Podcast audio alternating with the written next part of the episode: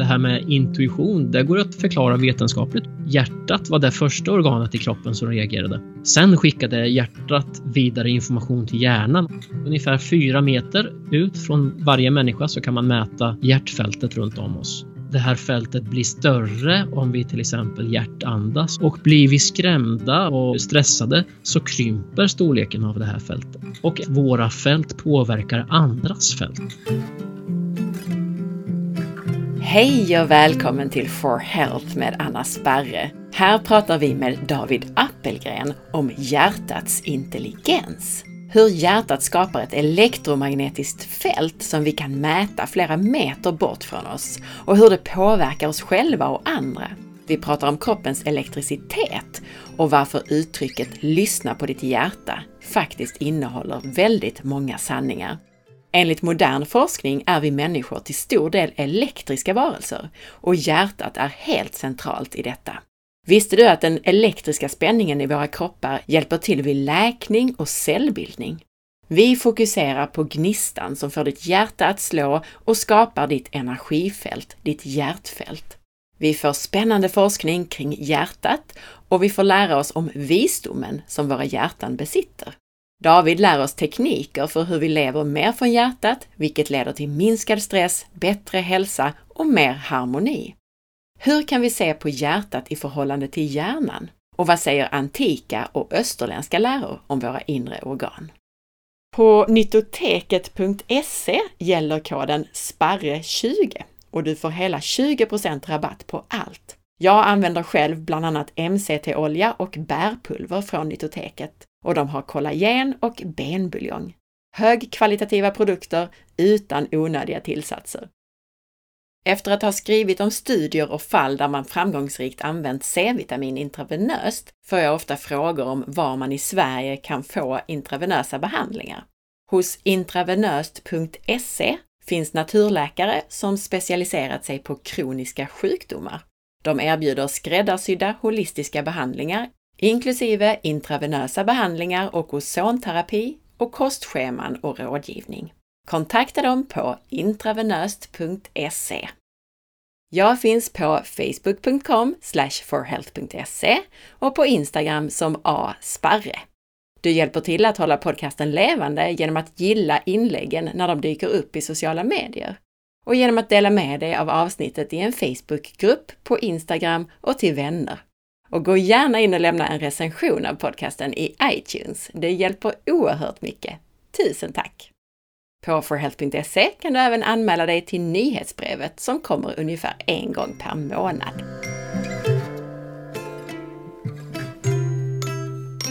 David Appelgren är känd som förespråkare för ekologiskt jordbruk och mot matfusk. Men nu för tiden följer många honom för hans intressanta inlägg om helt andra saker, bland annat hjärtat. Han driver Ombergs ekogård som odlar grönsaker och bland annat hampa och den första svenska quinoan. Är du enbart intresserad av forskning om hjärtat och de konkreta verktygen så kan du börja 25 minuter in i avsnittet. Och ännu mer vetenskapsintensivt blir det från 38 minuter. Första delen handlar mer om mjuka värden, traditioner gällande hjärta och hjärna och det mer filosofiska perspektivet av hjärtat.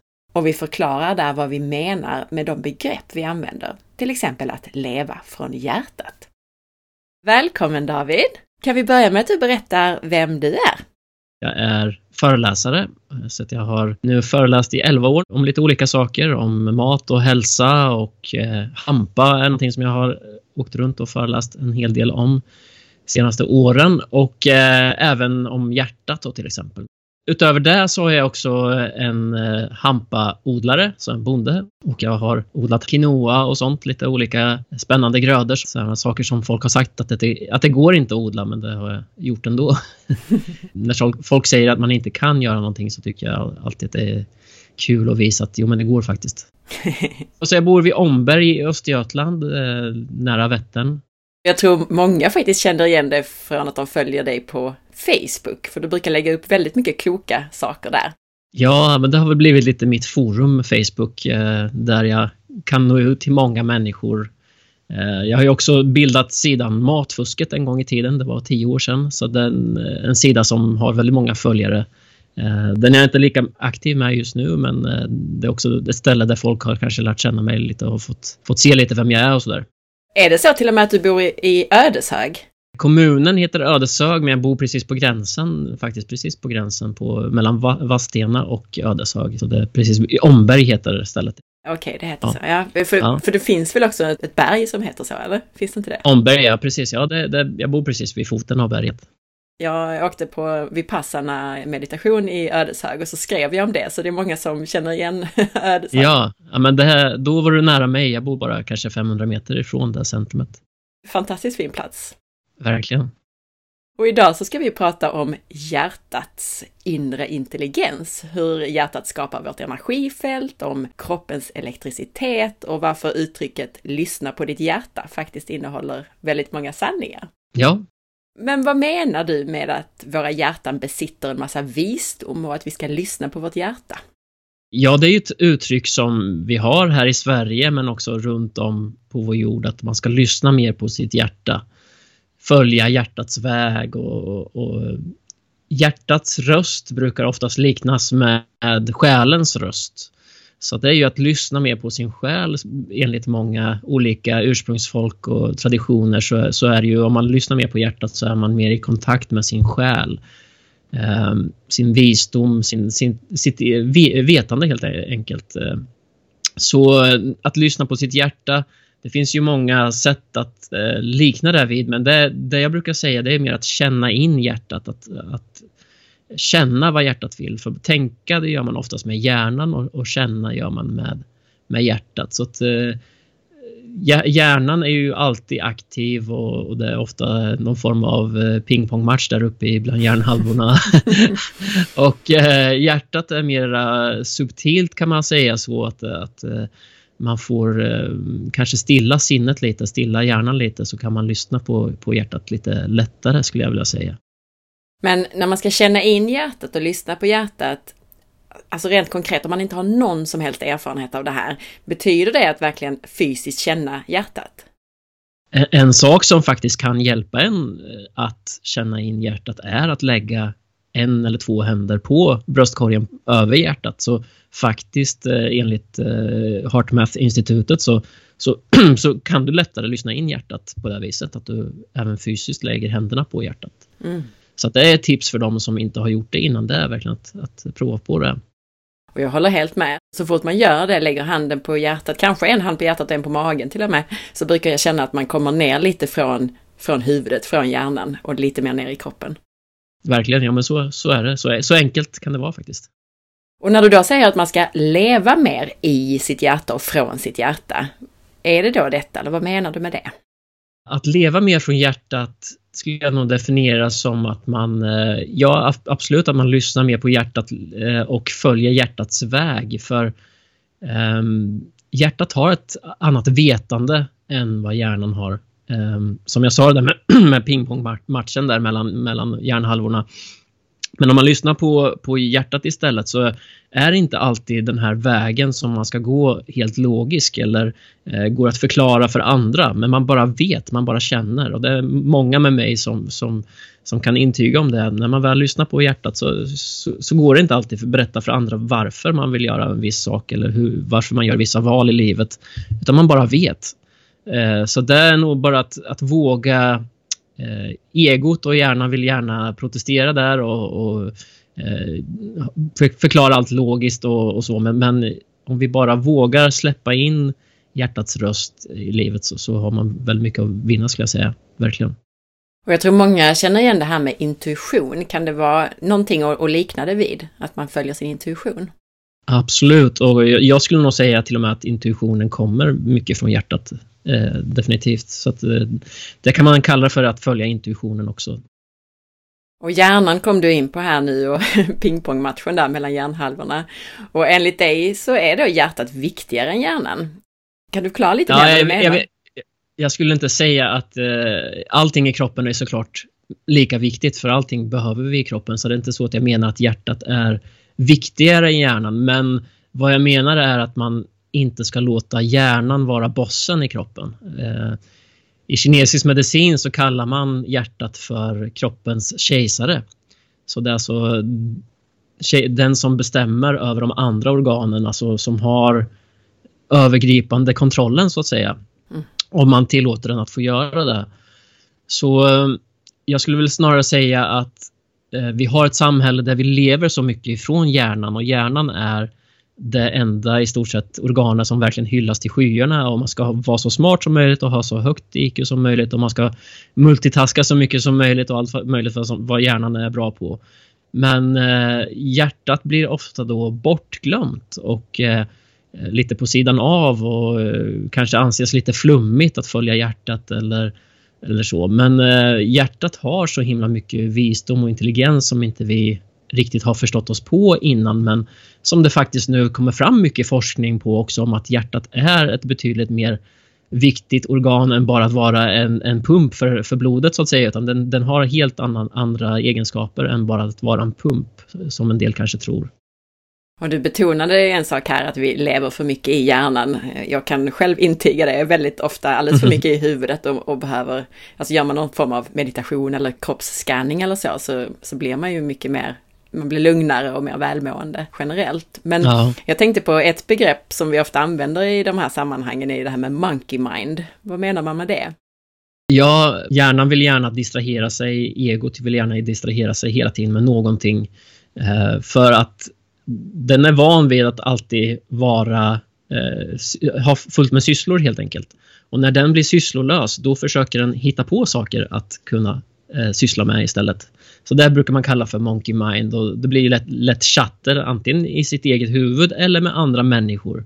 Eh, det märker jag ju ibland när jag håller i workshops och när vi jobbar med, med hjärtat så, så brukar jag faktiskt uppmuntra till att i pauserna emellan att, att vara tysta för att annars så hoppar gärna hjärnan in och monkey mind och vill babbla om saker och då, då kommer man lätt ut ifrån hjärtat eh, så man inte stannar kvar där. Så att eh, det är både en, eh, en sak att jobba i sitt inre med, att inte låta Monkey Mind ta över för mycket, men även i det yttre att kanske reflektera om man alltid behöver prata med människor utan man kanske bara kan känna in rummet istället för att prata med, med alla i rummet också ibland sådär. Och det kände jag verkligen där när jag satt och mediterade 11 timmar om dagen i 10 dygn. Då hade jag som tur var blivit förvarnad att nu kommer din hjärna protestera så att säga. Den, den vill ha uppgifter. Och det var verkligen så, den ville ju tänka framåt, analysera problem bakåt och så, den ville inte liksom släppa och vara här och nu. Det var liksom, åh det här är så tråkigt, åh det här gör så ont. Alltså det var hela tiden de här tankarna de första dagarna innan, innan man verkligen kom in i det där. Mm. Jag tyckte det var en beskrivning av det jag upplevde som du gjorde nu. Mm. Så sa du ju det här med den kinesiska medicinen och ursprungsbefolkningar säger väl också att hjärtat är viktigare än hjärnan. Kan du berätta lite om, om vad man har sett där? Det som man till exempel kan kolla på är våra förfäder i Egypten där eh, när man balsamerade någon så eh, tog de ju ut alla organen ur kroppen för att alltså bevara kroppen till efterlivet så man kunde komma till himmelriket kan man kalla det för. Ehm, och då tog de ut eh, som sagt alla organ ur kroppen och förvarade dem i kärl runt om i gravkammaren. Men hjärtat det la man alltid tillbaka i bröstkorgen. Det skulle ligga i, i kroppen. Det var så viktigt att ha med sig det till nästa liv. Och hjärnan däremot, den kastar man i papperskorgen. Den var, ville man inte ha med sig alls i, i nästa liv. Eh, för där är sätet av egot och egot vill man inte ha med sig i himmelriket utan hjärtat är det viktigaste att ta med sig till, till nästa liv så att säga för till exempel egyptierna. Då. Så att eh, det är ju en ganska så intressant och slående bild över hur folk förr i tiden såg hjärnan som, som någonting som inte var lika viktigt som vi kanske tycker att hjärnan är idag. Eh, sådär. Och även runt om på vår jord så är det mycket bland ursprungsfolket så är hjärtat väldigt, väldigt viktigt. Och vi har till exempel i, i Sydamerika, så latinamerikansk musik och så, så är det, då sjunger man alltid om corazon. Det är nästan i varenda låt. Det är alltså hjärta på spanska då till exempel. Eh, så där är adresserar man hjärtat på ett helt annat sätt och sjunger från hjärtat. Man är verkligen noga med att man sjunger från hjärtat och berättar om sitt hjärta i låtarna. Eh, och även kallar sin älskling för hjärtat. Det är alltså corazon även betyder älskling liksom så. Så att eh, hjärtat är runt om på vår jord mer viktigt än vad det kanske är i våra västerländska länder här, där hjärnan är mer hyllad så att säga, så finns det ändå ursprungsfolk och så som, som har mer hjärtnära relaterande så att säga. Jag deltar ibland i sådana här Eh, att man sjunger mantrasånger tillsammans, kirtan kan man kalla det för till exempel, med mm. indiska uttryck. Och då brukar man prata om det som väldigt hjärtöppnande, för jag tänkte på det du sa här nu med att man sjunger från hjärtat. Och jag tycker verkligen att man upplever det, alltså hela bröstkorgen och hjärtat, att det expanderar nästan när man, när man sitter så mm. tillsammans och sjunger. Ja, det är fantastiskt att sjunga i grupp. Det är också någonting, alltså bara att sjunga i en kör, det är också någonting som verkligen är vackert och fint för hjärtat att uppleva och det tror jag verkligen bidrar till bra hjärthälsa också, att sjunga och sjunga i grupp. Och det finns forskning på det, vad jag vet också, det här med att det är hälsosamt att sjunga i kör. Ja, det har jag sett eh, också faktiskt. Eh, jag kan inte referera till den just nu, men jag vet att jag har läst sådan forskning att, eh, att, det, på, att det förbättrar hälsan att sjunga tillsammans med andra och så. Och det är intressant, det är många sådana saker som man kanske upplever eller märker av erfarenhet som det kommer forskning på senare. Mm. Så det är också så, allt från sådana här österländska traditioner och akupunktur och liknande. Helt plötsligt så börjar man forska på det och då visar det sig även i forskningen hur bra det är. Ja, verkligen. De här två hjärnhalvorna, jag har hört dig prata om dualitet där med hjärnan. Vad menar du med det? Ja, det är ju så att hjärnan är uppdelad i två halvor. Så vi har ju vänster hjärnhalva och höger hjärnhalva. Och vänstra hjärnhalvan är mer logisk och eh, analyserande och gillar bokstäver och tabeller och så vidare. Eh, gillar saker som är mer inrutat och inramat och så. Medans högra hjärnhalvan är mer konstnärlig mer eh, tycker om toner och melodier och bilder och, och så, så, vidare och eh, mer friflytande kan man säga så än vänstra hjärnhalvan. Så att där har vi liksom som en dualitet inom oss själva. Vi har vänster hjärnhalva och höger halva som är lite som, eh, vad ska man säga, yin och yang mot varandra Ehm, det går ju såklart att få dem att samarbeta mer men, men det fortfarande blir som en liten av en, en pingpongmatch däremellan. Och är man i hjärtat mer så är hjärtat är en, en enhet så att leva från hjärtat så, är, så skapar man och lever mer i enhet med nuet och med, mer i vi-tänkande. Istället för att i hjärnan så är det lätt att vi, vi tänker vi och dem, eh, gott och ont, svart och vitt och så vidare. Men i hjärtats, alltså om man lever mer från hjärtat så så upplever man, lever man bara mer en, eh, ett bara varande i nuet. Där vi, man inser och känner att vi är alla ett. Vi, är, vi kommer från samma eh, moder jord, liksom. vi, vi är alla syskon. Eh, så, så mer upplever jag att leva i hjärtat, att det inte är samma sorts polaritet där. Det jag har hört dig säga så här långt om hjärtat, det är någon form av, du har pratat om visdom, du har pratat om själens hem och du har pratat om ja, du sa älskade, alltså kärlek tänkte jag på då. Ja, vi har ju knappt gått, eh, gått in på kärleken. Alltså, det är ju den eh, största kraften som finns eh, i oss människor och i, jag skulle vilja säga även i universum att det är kärleken som är kittet i allting som finns i universum skulle jag säga. Som håller samman allting. Det är bara att kolla runt i naturen så är det kärleken som, som är mellan djuren och fåglarna och allting som, som för, det är deras sätt att föröka sig. Det är en form av kärlek som finns där med. Så kärleken är ju en enorm kraft och den kommer ifrån hjärtat. Det är hjärtat där den har sitt säte, kärleken. Liksom. Så att bara en sån grej vittnar ju om hur, hur starkt hjärtats kraft är verkligen och hur stark kärleken är. Eh, det finns ju ingen som säger jag älskar dig och som pekar på huvudet utan eh, pratar man om, pekar man någonstans på kroppen så visar, pekar man på hjärtat. Liksom. Det, det, är ju alla överens om skulle jag nog säga att kärlek känner man i hjärtat. Det, det är där den kommer ifrån. Liksom. Så att eh, det, det, finns så mycket intressant som hjärtat bär på. Jag tror att vi kommer närmsta åren bara hitta ännu mer eh, forskning och visdom ifrån hjärtat och så. Och att vi kommer, jag, jag ser det som att vi som civilisation och som samhälle inte har något annat val än att gå tillbaka till mer hjärtlevande, mer hjärtcentrerande i, i, livet. Så om vi ska kunna klara av de nya tiderna. För att eh, det här med hjärnan som vi har nu och har haft senaste liksom, tusen åren eller två tusen åren så, så har det liksom det har gått till sin spets och jag tror inte vi kan ta det mycket mer längre och vi ser hur mycket stress är utbrett och så vidare. Eh, så det är också en sån grej att lever man ifrån hjärtat och hjärtandas som jag brukar prata om, så reducerar man stressen till noll i kroppen till exempel. Eh, och det tror jag inte är möjligt om man är i hjärnan hela tiden utan det, det, krävs att vi går tillbaka till hjärtat om vi ska klara av det här med att eh, ha mindre stress i livet och kunna få livet att fungera och pussla ihop livspusslet och så vidare så är det hjärtat som vi behöver gå tillbaka till.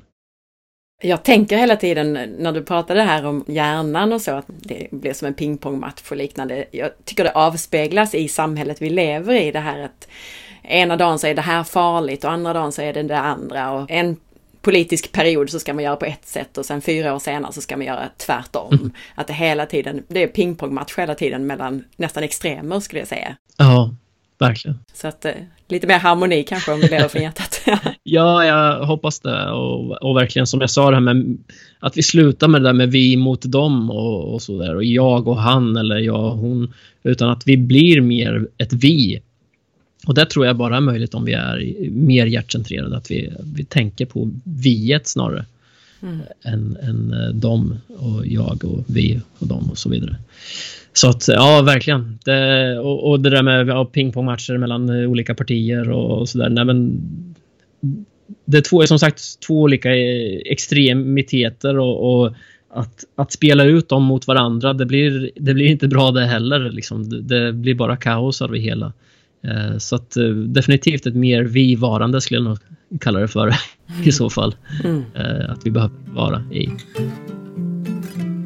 Här kom vi in lite på vad som faktiskt kan hända om vi lever mer från hjärtat. Så jag tänkte att vi kan väl komma in på det. Alltså, vad, vad händer mer när vi lever från hjärtat? Vad är syftet med det? Som jag brukar säga och, och, och som man eh, i österländska traditioner säger så att, eh, är att om du lyssnar mer på hjärtat så har du som sagt kontakt med själen på ett helt annat sätt än vad du har annars. Så eh, hjärtat brukar man säga har, den vet vägen i ditt liv. Den vet vart du ska härnäst. Och eh, när man sitter och dividerar med huvudet och, och egot och hjärnan så som sagt är den här pingpongmatchen. Ska jag till vänster eller höger i livet eller ska jag mm, ta det jobbet eller det jobbet eller så vidare. Men, men om du lyssnar på hjärtat så kommer svaret finnas där mycket tydligare och du, du, du vet bara att det är så. Så det är en sån här sak av att, att leva mer från hjärtat och synkroniciteter blir vanligare också kan man säga eh, oftast när man följer hjärtat. Att jag till exempel var med om att eh, jag hade ett eh, jobb där jag inte trivdes alls eh, för vad kan det ha varit 12 år sedan. Och sen när jag gick till det här jobbet så fick jag nästan som det kändes som hjärtattacker när jag gick till det jobbet eller var på det jobbet. Det var som mindre hjärtattacker. Och jag förstod inte först vad det var men sen pusslade jag upp ett och ett och förstod att det här är ju någonting som sker bara när jag går till det här jobbet som jag inte trivs på. Så det var verkligen mitt hjärta som protesterade och jag gick i tankarna på att skapa eget företag precis då i den tiden där. Så det var mitt hjärtas sätt att säga nu är du klar med det här jobbet, nu är det dags att ta nästa steg. Eh, men jag, mitt ego, mitt, mitt, min hjärna försökte, ja men jag kanske ska spara ihop lite mer pengar först innan jag tar det där steget eller jag ska säkra det och det eller säkra så, så många kunder eller vad det nu kan vara som egot vill hitta på att man behöver göra innan man vågar ta klivet ut i, i någonting annat okänt. Ehm, men sen när jag väl tog det här klivet, eh, för jag, jag lyssnade på, på mitt hjärta då verkligen och ja, men så här kan jag inte ha det. Jag kan inte eh, liksom få ont i bröstkorgen när jag går till det här jobbet. Eh, jag måste verkligen lyssna på mitt hjärta nu och, och se vad den vill ha. Och då tog jag det här klivet och blev egenföretagare. Och eh, sen när jag tog det initiativet så kom det där problemet aldrig tillbaka med eh, känslan av några former av... Eh, jag tror inte att det var hjärtattacker men det var någon form av liksom att hjärtat protesterade verkligen och, och gjorde så att det kändes obekvämt i bröstkorgen verkligen när jag, när jag inte följde min, min, mitt hjärtas väg helt enkelt. Så det är en, ett sånt exempel som jag brukar ta upp ibland att eh, hjärtat protesterar när du inte följer din, eh, din livsbana helt enkelt. Den, den, den, tänkta vägen som, du, som jag tror att din själ vet om att du ska ta. Den eh, protesterar alltså helt enkelt om du inte följer den vägen. Det första du sa där om vad syftet är och så, jag tolkar det som att man får mer av ett lugn och när vi då pratar om hälsa, att vi minskar vår stress. Precis, så det, är det, det är det också som händer när vi lever i hjärtat och hjärtandas och det är ju någonting som kommer från eh, HeartMath-institutet som är en del av Stanford-universitetet i Kalifornien. Och de har, de här HeartMath-institutet har studerat hjärtat nu i 32 år tror jag det är. De började där någon gång på, i början av 90-talet. Och eh, från början så trodde de väl att de skulle kunna kartlägga hjärtat och hjärtats funktioner ganska så snabbt och ganska enkelt. Men ju, ju mer de börjar studera hjärtat så är, förstod de att ju mer de hittade desto mer insåg de att de inte förstod sig på hjärtat alls. Så där de bland annat eh, kartlagde var att eh, när vi lever mer från hjärtat så, så, och, och hjärtandas som de kallar det för. Och hjärtandning, vad är det för någonting? Då kanske jag ska också säga lite snabbt sådär. Eh, så den, ett begrepp som de kallar det för, det är att hjärtandas. Och eh, när vi människor är lugna, när vi känner oss tillfreds med livet, när vi är kära eller lyckliga eller eh, trivs i ett gott sällskap eller så, så är vår andning mycket lugnare. Eh, vi andas fullt ut i lungorna, fyller upp lungorna fullt ut och andas långsamt och tryggt helt enkelt. Eh, när vi är stressade så vet ju alla hur man andas väldigt ytligt och kort och sådär. Ehm, så att när vi andas sådär långsammare, då har de kommit fram, de har ju gjort olika test och eh, som sagt i 30 år på hur man andas då för att komma mer i kontakt med hjärtat och då har de märkt att om vi andas ungefär 5 sekunder in och 5 sekunder ut så hamnar vi i då ett läge där eh, samma läge som vi är i när vi är kära eller trygga eller så. Eh, så då vet inte kroppen skillnaden mellan om du är trygg på riktigt eller om du bara andas som att du är trygg. Så då blir det så att du känner dig som så att du är trygg när du andas på det här viset. Så man kan säga att man går lite bakvägen där och eh, faktiskt eh, andas då långsammare. Och det andra som man gör då när man hjärtandas, förutom att andas fem sekunder in och fem sekunder ut, så är det att man ska visualisera det som att man andas in och ut med hjärtat. Så man ska, därför kallas för hjärtandning då. Och sen nummer tre som man ska göra då, det är tre punkter man behöver tänka på. Då. Nummer tre är att eh, man ska känna en känsla av eh, ovillkorlig kärlek och tacksamhet för någon eller någonting. Så det kan vara ett, ett husdjur eller en människa eller en aktivitet som du älskar att sjunga, låt säga sjunga i kör eller eh, dansa eller vad det nu kan vara, så någon form av aktivitet där du känner en enorm kärlek och tacksamhet för någonting. Eller många brukar ha, se sitt husdjur eller något sånt som de älskar. Um, så, att, så de tre sakerna i kombination är hjärtandningen. Och där de då har sett, för de, de studerar ju kroppen och sätter på olika sensorer och så på hjärnan och på eh, andningen och så vidare, kollar andningen och blodtrycket och så vidare.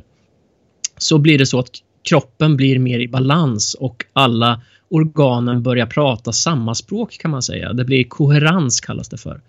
Så eh, på engelska kallas det för heart-brain coherence. Så det är alltså att hjärtat och hjärnan när vi är stressade, de har olika signaler, olika frekvenser. Det är lite som vågor på vattnet kan man säga, som att de har helt olika eh, fart på vågorna kan man säga. Eh, men när vi börjar hjärtandas så blir det som att vågorna och frekvenserna blir helt eh, Eh, i harmoni med varandra. Och även inte bara hjärnan och hjärtat utan även andning och blodtryck och så vidare blir eh, graferna då eh, synkroniserade med varandra kan man säga. Så att det blir, det blir samklang brukar jag kalla det för i, i kroppen. Eh, att alla organen pratar samma språk. Och det sker genom hjärtandning. Det kan man vetenskapligt bevisa då att det sker med oss när vi hjärtandas. Och det är någonting som jag brukar säga då, det är för att sänka stressen i kroppen och bli mer harmonisk. Så det är nummer ett jag skulle säga verkligen som den största gåvan jag kan ge till människor brukar jag säga när jag är ute och föreläser, det är hjärtandningen. För att om du någonsin känner dig eh, stressad eller känner att du inte har eh, koppling till din själ eller ditt hjärta eller du, du vet inte vart du ska i livet. Prova att sätta bara, bara ett par minuter räcker och hjärtandas. Så kommer du märka en enorm skillnad. Och de ser på HeartMath-institutets grafer när de studerar kroppen. Det kan vara någon människa som är väldigt stressad eller har ångest eller så vidare. Och så säger de åt den här människan börja hjärtandas. Och då har, det tar bara ett par minuter att lära sig att hjärtandas. Men de ser på graferna då, när de säger börja hjärtandas så syns det på en sekund, alltså resultatet redan. att det är helt annan harmoni i kroppen än vad det var innan. Så att det är ingenting som behöver ta liksom att sitta och meditera en halvtimme eller timme eller fyra timmar utan det här sker i stort sett eh, på direkten när du börjar hjärtandas. Och man behöver inte sitta heller så lång stund utan det, många sätter sig bara ett par minuter så där så får man en stor effekt. Eh, så att det är verkligen hjärtandas mer skulle jag säga, verkligen. Ja, det är perfekt. Det låter som någonting som man skulle kunna göra kort under hela dagen, alltså några gånger under hela dagen. Absolut, det skulle jag verkligen rekommendera. Och eh, vi har ju ett hjärtfält runt om oss och det kanske vi kommer prata om lite mer senare, men det, det, är, det är sånt som också blir påverkat av den här hjärtandningen till exempel. Ja, ja, det ska vi absolut prata om.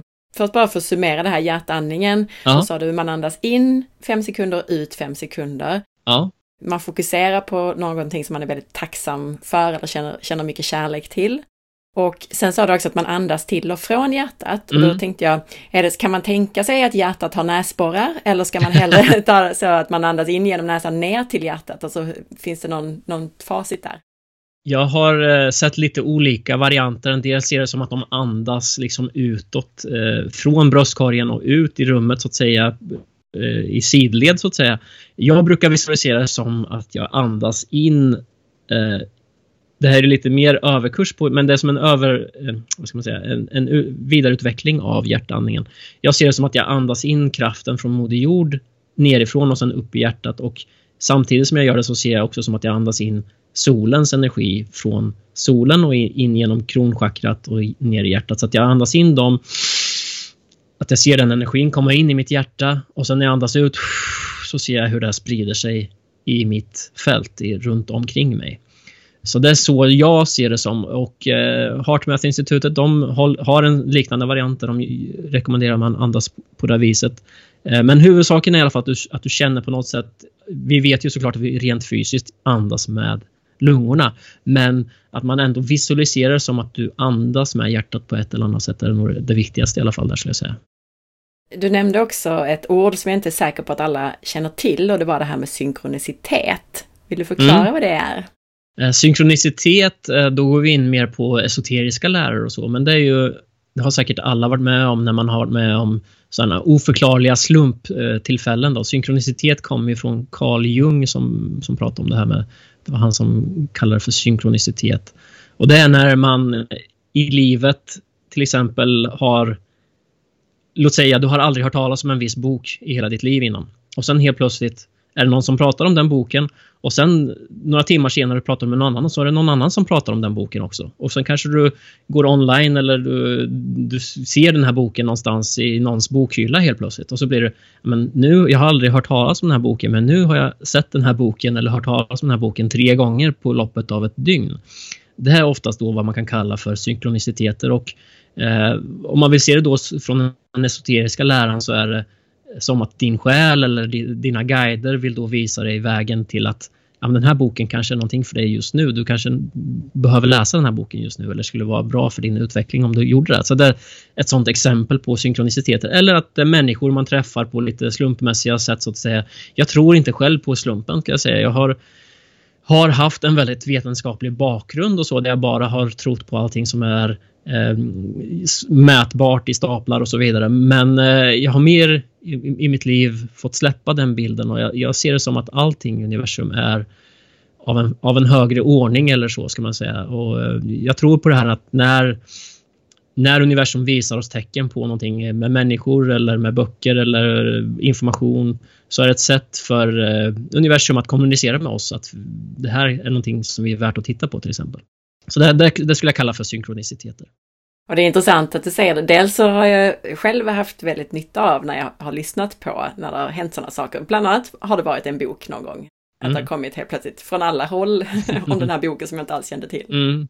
Men jag eh, tycker också att det är intressant att du säger det här att du har en mer vetenskaplig bakgrund och nu har ett lite annat perspektiv. Både jag själv känner att jag har gått den vägen, men väldigt många inom hälsoområdet som tidigare har varit med här i podden bland annat, som har varit väldigt vetenskapliga, förstår också vikten av det här mer själsliga, spirituella och så vidare och hur viktigt det är för vår fysiska hälsa också. Mm. Så det är fint att ja. du säger det också i min, i min uppfattning så är det den vägen vi behöver gå för att vi ska inte förstöra vår jord längre. För att är vi i huvudet och i egot så är, är det bara att jag ska ha det som jag vill ha, det jag behöver.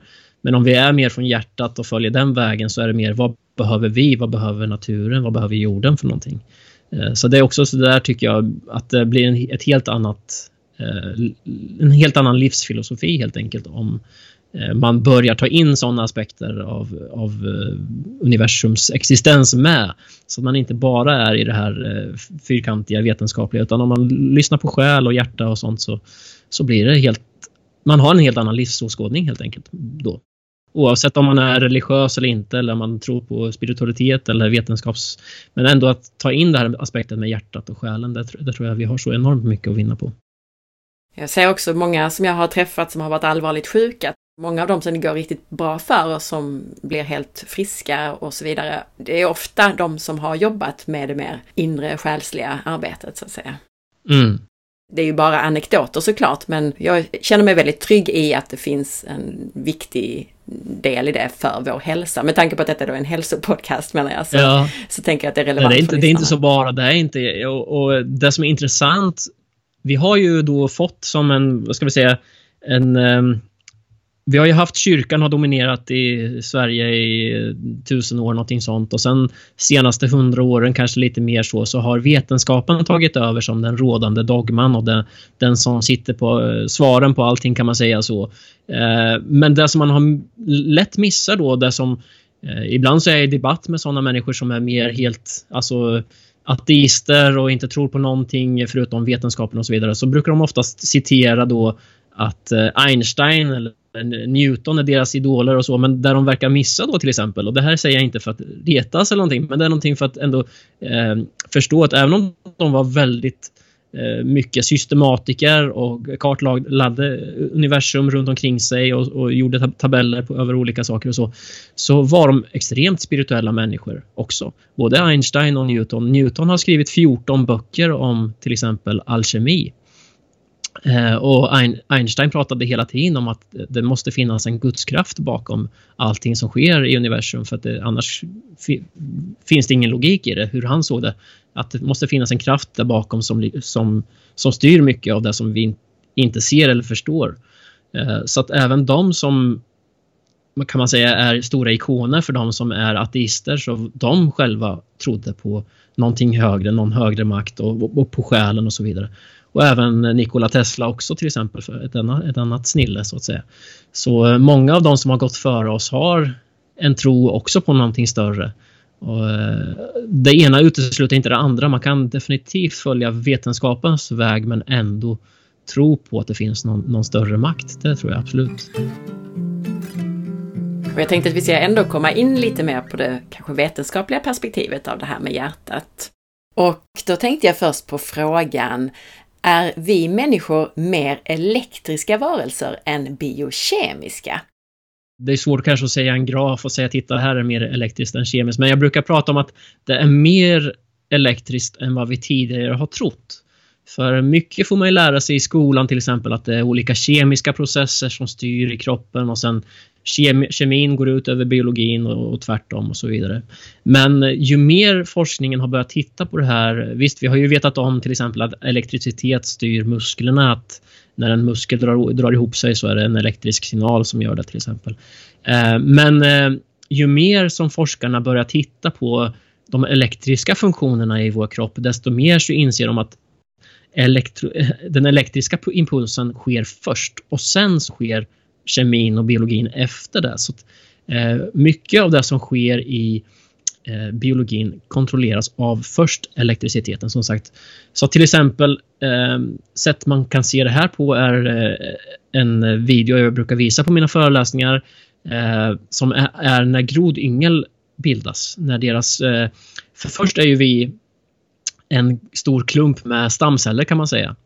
Och sen så börjar vi ju, och det här är någonting som forskarna inte riktigt har förstått då, hur kan alla de här stamcellerna vi har helt plötsligt veta om att en stamcell ska gå eh, till eh, lillfingret och bli en nagelcell och en annan stamcell ska gå till hjärnan och bli en hjärncell och en annan stamcell ska gå till lungorna och bli en lungcell. Hur, hur sker det här? Det här har varit ett stort mysterium för vetenskapen hittills.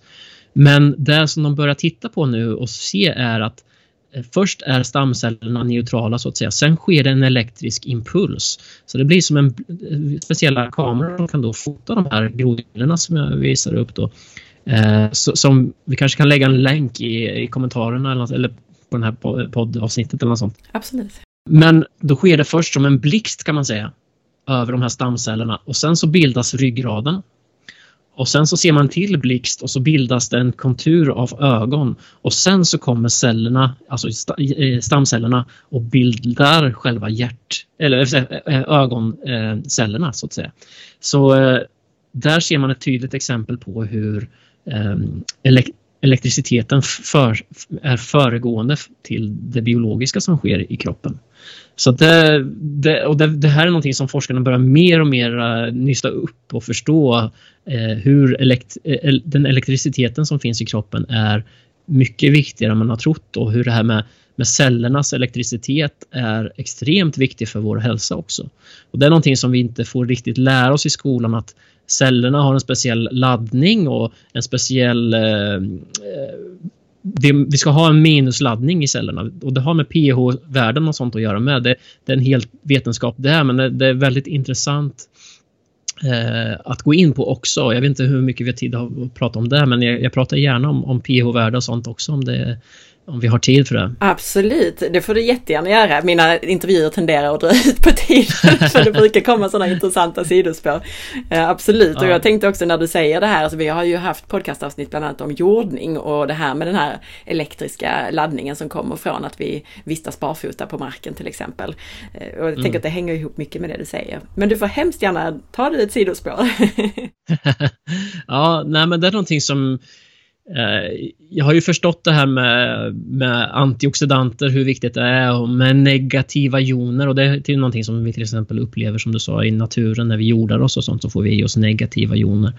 Och sen ja, men det här med antioxidanter och pH-värdet i vår kropp är väldigt viktigt och så vidare. Men jag kunde inte riktigt förstå hur allting det här hängde samman och då ska jag nog säga en ledtråd, i alla fall när jag är ute och föreläser så när jag frågade det här till publiken så är det ingen som har talat om det innan.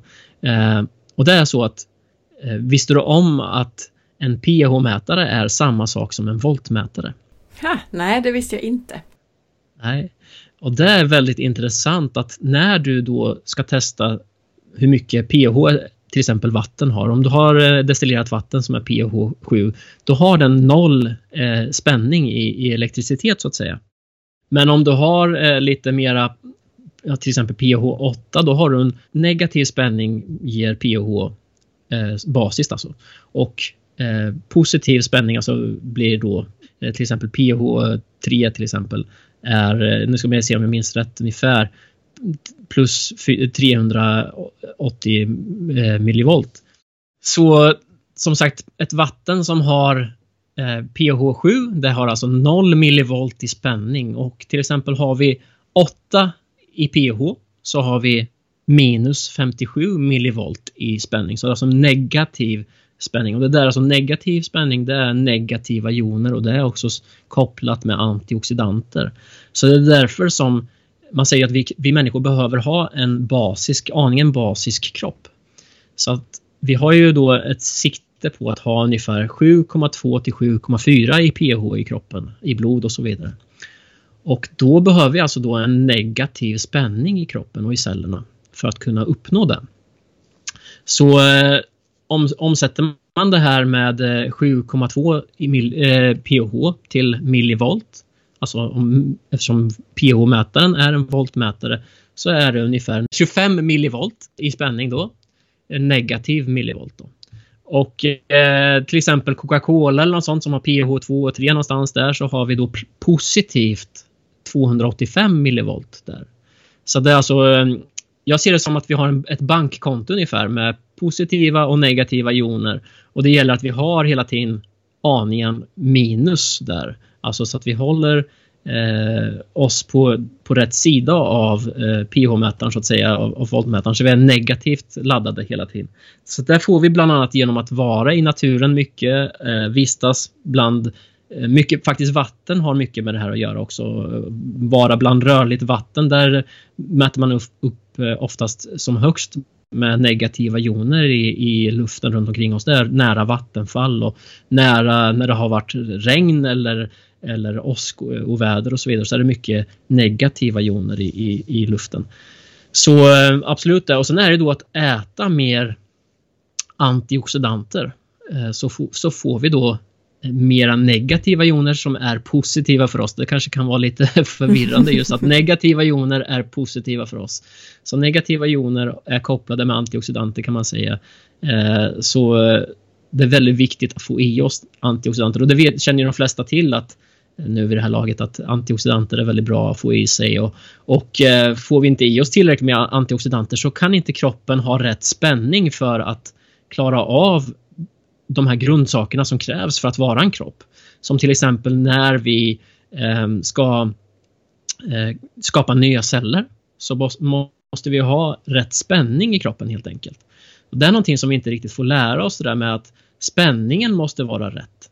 Så eh, när vi ska ha rätt spänning för att kunna skapa nya celler, för kroppen skapar nya celler hela tiden. Vi har ju huden, den föryngrar, alltså måste föryngra sig hela tiden och, och även in i magen eh, till exempel så byts det ut väldigt snabbt. Eh, de, de flesta celler i kroppen byts ut inom något år sådär. Det finns vissa celler som stannar kvar fler år än så men, men de flesta cellerna byts ut inom ett år i kroppen kan man säga överlag. Och för att då kunna, kunna skapa en ny cell så behöver kroppen en rätt spänning. Den behöver minus 20 till minus 25 millivolt för att skapa en ny cell. Och kan inte kroppen få rätt spänning, vilket den får då genom att få i sig antioxidanter och negativa joner, så klarar inte cell, eh, cellerna av att dela sig och det betyder att det är kronisk inflammation. Det är definitionen av en kronisk inflammation. Det är att kroppen har faktiskt för lite spänning för att klara av att replicera och skapa nya celler. Så eh, väldigt mycket av vår hälsa är kopplat till det här med volttalet i kroppen utan att vi kanske får riktigt får lära oss det i skolan. Och jag tror de flesta doktorer har inte koll på det här med, med spänningen heller i kroppen. Så eh, för att kunna skapa nya celler behöver vi då minus 25 millivolt i kroppen. Har vi till exempel minus, 20, eh, minus 18 millivolt kan man säga. Minus 18 millivolt, då har kroppen för låg spänning. Då kan den inte skapa nya celler och då får vi inflammation och sjukdom där på den, den platsen i kroppen. Så kan det vara att vi har rätt spänning på andra ställen i kroppen men just på lokala ställen så kan eh, strömmen ledas sämre så att säga på grund av olika saker. Det kan vara trauman rent fysiskt eller mentalt också. Så att där vill jag också säga att mentala trauman, alltså psykiska trauman kan sätta sig lokalt i kroppen också. Det är ju någonting som man studerar mycket i österländsk eh, filosofi och så vidare. Men även om man går in på sånt som hypnos och sånt så ser man att det här med hur vi tänker och hur vi ser på livet sätter sig i kroppen också. Och kan leda till att vi har sämre läkningsförmåga på olika ställen i kroppen. Mm. Så att därför skulle jag säga att det här med, med strömmens funktion i kroppen är på tok för litet studerat och förstådd i den västerländska litteraturen och i medicinen skulle jag säga. Så att där har vi enormt mycket att lära oss eh, av att få rätt voltspänning i kroppen för vi måste ha verkligen rätt volt i kroppen för att ha, ha hälsa helt enkelt. Och det är jätteintressant det här området. Och just det här avsnittet vi gjorde om jordning, om man är intresserad av det du pratar om här, rätt elektrisk spänning kopplad till inflammation och så vidare, det pratar vi om i avsnitt 291 om jordning. Mm. Och sen hypnos nämnde du, har vi gjort ett avsnitt nu nyligen om också, 327. Så om man är mer nyfiken så kan man lyssna vidare där. Och angående det här med elektrisk spänning och pH, pH är ju ett mått på koncentrationen av vätejoner, H+, det vill säga positivt laddade joner. Sura lösningar har högre koncentration av H+, alltså mer positiv laddning. Jag tänkte också att jag skulle förtydliga det, för du sa att det är kopplat till antioxidanter det här med att vi har eh, en, en, minusladdning eller ett högre pH. Och det handlar ju om att de här elektronerna, det här överskottet av elektronerna som vi får, antingen av att vi äter antioxidanter eller att vi går barfota och faktiskt får det därifrån. Precis. De ska ju neutralisera de fria radikaler som bildas i vår kropp när, när kroppen jobbar och producerar energi och så vidare. Fria radikaler innehåller atomer som har en oparad elektron. Att de har en oparad elektron skapar en obalans. De försöker återfå den här balansen genom att stjäla en elektron från andra molekyler i kroppen. Och det här kan ju ställa till en väldig skada och skapa kedjereaktioner. Så därför vill vi gärna neutralisera fria radikaler med antioxidanter som har extra elektroner. Ja, det är, och det är mycket saker som, som, eh, som bidrar med fria radikaler som finns runt omkring oss, som stressar oss. Som till exempel bekämpningsmedel som finns i maten och sånt eh, har oftast eh, mycket fria radikaler eller friterad mat och sånt där. Det är ju sånt som många känner till redan nu. Så tror jag sådär. Så att, ja, absolut, antioxidanterna delar ju med sig av, av då elektroner som, som då neutraliserar spänningen på de fria radikalerna. Så det, det är sånt som är så viktigt för annars kan ju de här fria radikalerna gå in och knycka eh, elektroner och sånt från ditt DNA eller någonting och då blir DNA till slut trasigt om det får ske tillräckligt ofta. Så därför är det så, såklart väldigt viktigt med att ha så mycket antioxidanter och negativa joner i kroppen som möjligt så att man kan stå emot sånt där. Och nu kanske någon undrar varför vi pratar om elektricitet när vi pratar om hjärtat. Men hjärtat, där är ju elektriciteten väldigt viktig. Det är ju eh, absolut eh, hjärtats enormt stora funktion. Det är ju att den, den är elektrisk. Den är, har ju en, min, min föreläsning heter ju Heart Sparks, så den, den har ju det som utgångspunkt kan man säga, hela föreläsningen, den här med gnistan som finns i vårt hjärta. För det är någonting som vi kanske inte riktigt har reflekterat så jättemycket på faktiskt. De flesta brukar nog inte göra det så där jätteofta vad jag vet. Eh, vi har ju ändå ett hjärta som slår ungefär i genomsnitt en gång per sekund. Och det är en elektrisk impuls som hjärtat då sänder ut för att hjärtat ska kunna slå. Så det är, vårt hjärta är väldigt elektriskt såklart. Eh, och den här elektriska impulsen som sker i hjärtat den vill jag studera mer och förstå mig på mer utav. Och eh, ju mer jag tittade runt så insåg jag att ja, man visste vilken muskel som var ansvarig för det här men man, man kunde inte gå in på djupet och förklara hur bildas den här elektriska impulsen. Varför bildas den? Hur bildas den? Eh, vart tar den vägen sen? Och så vidare. Det sånt fanns det inte vad jag kunde hitta i forskningslitteraturen speciellt mycket förklaringar för. Så det var någonting jag fick då snarare själv försöka hitta förklaringar på och eh, försöka förstå mig på hjärtat ännu bättre. Så att vi bildar ju, som, du, som vi var inne lite snabbt på förut, att vi bildar ju ett fält runt omkring det. För att hjärtat slår ju då med en elektromagnetisk impuls.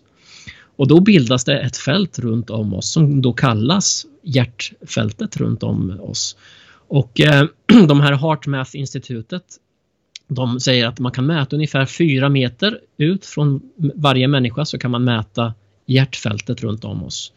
Och det är i formen av en torusring eh, kan man säga. Det är ungefär eh, för de som inte vet hur en torus ser ut så ser det ut ungefär som en munk eller vad kan man säga, ett äpple eller något sånt. Som att det går in lite i mitten, att det är som en, en sfär kan man säga eller en, en boll fast det går in lite i mitten och sen möts det i, i mitten. Så till exempel hjärtat är ju då mittpunkten av det hela.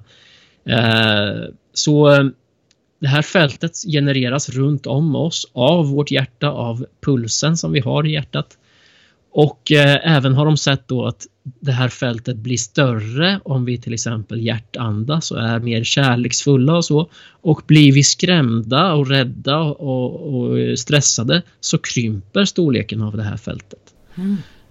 Så det är också någonting väldigt intressant. Och även så har de sett att våra fält påverkar andras fält.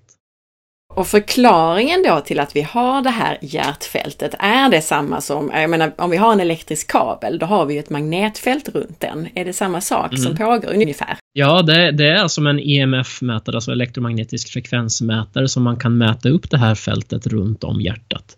Och det intressanta är att de säger att fyra meter kan vi mäta upp nu med den de instrumenten som vi har idag. Men de säger själva att de misstänker att det här hjärtfältet runt om oss människor är betydligt större än 4 meter. Eh, det kanske är 10, 20, 100 meter om vi bara har tillräckligt med fin, eh, fina instrument så att säga för att läsa av det här. Så att eh, vi vet inte hur stora hjärtat, hjärtfältet är helt enkelt. Men helt klart är det större än vad vi kan mäta just idag. Och det är som sagt, ja, som du sa, det är elektromagnetisk eh, impuls och det är det som skapar själva hjärtfältet runt om oss. Eh, så att eh, där är ju intressant. Vi har fyra meter runt om oss. De har även nyligen, ganska nyligen studerat hästar och kommit fram till att de har 20 meter runt omkring sig i sitt hjärta. Så de har en enorma hjärtfält och det kan nog de flesta vittna om att när man har kommit nära en häst att man, har, man blir i ett annat sinneslag. Man blir kanske mer rofylld och, och lugn och så vidare. Eh, och det är när du kommer in i deras hjärtfält. Och det här som jag pratade om tidigare med att hjärtandas för att kroppen ska komma i koherens. Det här med som jag pratade om samklang i kroppen som man säger. Eh, det tillståndet är de flesta människor i kanske bara ett par minuter per dag. Alltså om man inte mediterar eller så, så om man är, eh, låt säga en vanlig Svensson eller någonting, så hamnar man i det tillståndet kanske max ett par minuter utspritt under hela dagen. Men hästarna däremot, de är i det här koherenstillståndet i stort sett hela tiden. Så de är som, eh, om man skulle studera tibetanska mästare eller någonting som kanske också är i det här tillståndet hela tiden, så är hästarna i samma tillstånd hela tiden. Så det, det kan ju förklara till exempel då varför människor som, som är stressade blir lugna när de kommer i närheten av hästar. För de, deras hjärtfält blir påverkade av hästarnas hjärtfält till exempel. Och jag förstår nu också helt plötsligt varför för mig i alla fall kan det vara väldigt tydligt när man går in i ett rum att man känner av energin. Mm. Om det är så att man faktiskt känner av minst fyra meter bort så, så är det ja. verkligen förståeligt. Ja, och en annan eh, väldigt intressant eh, del av det hela när vi pratar om det här med hjärtfält och hjärtats intuition och vetande och så vidare. Det är ju en annan intressant studie som brukar citeras som är från HeartMath-institutet.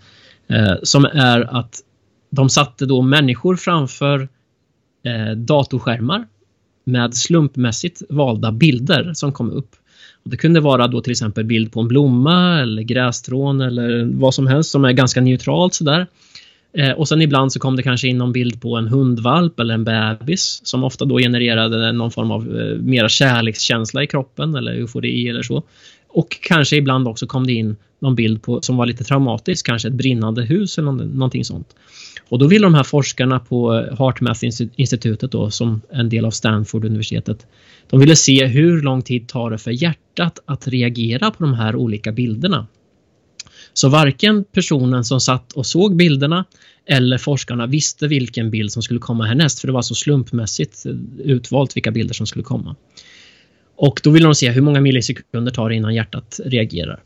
Och det som då slog dem eh, verkligen omkull och, och, och, som de inte kunde förklara och, och har svårt att förklara fortfarande idag om man ska säga om man ska följa den traditionella vetenskapliga modellen. Eh, svaret blev väldigt eh, chockerande. För det visade sig att i snitt 4,8 sekunder innan bilden mm. visades så reagerade hjärtat. Oj! det känns ju helt oförklarligt. Ja, så att alltså till exempel om det var en bild på en bebis så reagerade hjärtat 4,8 sekunder innan eh, på bilden och blev mer harmoniskt.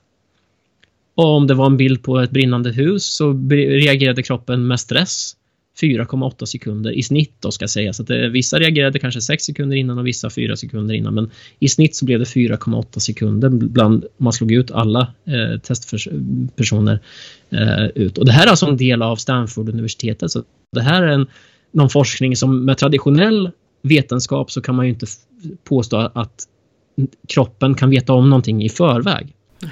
Men det här är någonting som omkullkastar mycket av det som vi tror på eller har trott på när det gäller vetenskap och som kommer göra att vi behöver skriva om eh, vetenskapsböckerna och historieböckerna framöver. För att eh, nu förstår vi att ja, men det här med intuition, det går att förklara vetenskapligt då kan man säga. Med, när man börjar studera sådana här eh, företeelser. Att hjärtat vet om redan innan. Eh, så eh, det betyder ju att man för, kan lättare förstå det här med med att man vet om någonting i förväg, man känner på sig någonting i förväg eller man vet om vem som ska ringa härnäst. Man, man känner på sig, ja men jag tänkte på dig precis och så ringde du och sådär. Det, det, går att förklara då med hjärtats visdom där att den vet om eh, saker innan eller känner på sig saker. Och sen det var intressanta också vad de också studerade därifrån var att hjärtat var det första organet i kroppen som reagerade. Sen skickade hjärtat vidare information till hjärnan och andra organ att nu är det stress här till exempel eller, eller nu är det harmoni här. Wow. Eh, så att hjärtat är verkligen som kineserna säger, kejsaren i kroppen. Den är kungen i kroppen. Det är den som, som dikterar för de andra i, i kroppen hur, vad som händer och kommer hända. Och sen får resten av organen faktiskt anpassa sig till det hela kan man säga. eh, jag, jag, tror ju såklart inte, alltså det här med hier hierarki och sånt är kanske någonting som jag inte är helt förtjust i heller. Men jag tror ändå på det här med att, att hjärtat är det prima, primära organet som, som vi har i vår kropp och, och som har en helt annan visdom och, förstå, och, och, och koppling till, till själen och, och, universum än vad kanske resten av kroppen har. Eh, I alla fall det, det första, första organet att reagera. Och det är även det eh, första organet som bildas eh, när vi är i mors mage. Så det är också eh, intressant. Hjärtat eh, är verkligen ursprunget, vårt ursprung, det är vår essens skulle jag vilja säga. Jag tänkte på det också, vi använder ibland lite olika uttryck. Alltså jag sa det här med magnetfält och du sa hjärtfält och ibland pratas det om energifält. Är det tre begrepp för samma sak?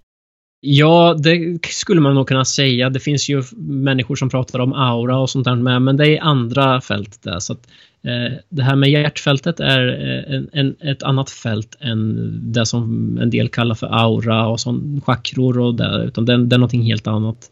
Eh, så att eh, hjärtfältet är per definition en eh, elektromagnetiskt fält som bildas av hjärtats gnista i mitten kan man säga. Då. Så det är ju oavsett vilken eh, elektrisk eh, maskin du har eller vad som helst eh, mobiltelefon eller eh, radiostyrd bil eller vad som helst så finns det ett fält runt omkring som bildas av elektriciteten som genereras i den här eh, prylen då så att säga. Så skapas det ett fält runt om som går att mäta med en EMF-mätare som det kallas för då. Eh, så det, det, och det är samma saken är då med alla hjärtan och det är ju med alla människohjärtan och alla djurhjärtan också såklart. Då. Apropå det, hur störs vi egentligen i din mening av de här, alla de här fälten runt våra elektriska prylar och inte minst då wifi och mobiltelefoner och mobilmaster och så vidare. Påverkar inte det vår, vårt eget hjärtfält menar jag? Ja, det, det, är ju någonting som jag också pratar på, om i mina föreläsningar och det är ju så att mobilmaster och mobiltelefoner de pratar och kommunicerar i positiva joner. Medan som sagt vi, vi behöver mycket negativa joner alltså, som antioxidanter och sånt eh, för att kunna stå emot det. Så att ju mer sånt också vi har runt omkring oss så är det ännu mer viktigt med antioxidanter om vi har saker som stressar kroppen som då mobilmaster och så vidare som då kommunicerar i positiva joner. Eh, så då, då är det som sagt extra viktigt att kunna stå emot det där. Så att absolut, det har påverkat vår hälsa och det som jag sa det här med bankkontot som jag ser det som att vi ska helst ha då fullt med negativa joner i kroppen då, så man kan tänka sig små små eh, kulor utav eh, minusladdningar eller vad man skulle säga. Som. Och sen kommer det då positiva kulor utifrån så att säga som är negativa för oss. Eh, så ju mer negativa sådana kulor vi har i kroppen desto mer kan vi stå emot de här positiva kulorna som kommer och studsar mot oss. Liksom. Så att eh, väldigt viktigt eh, såklart då att, att tänka på det.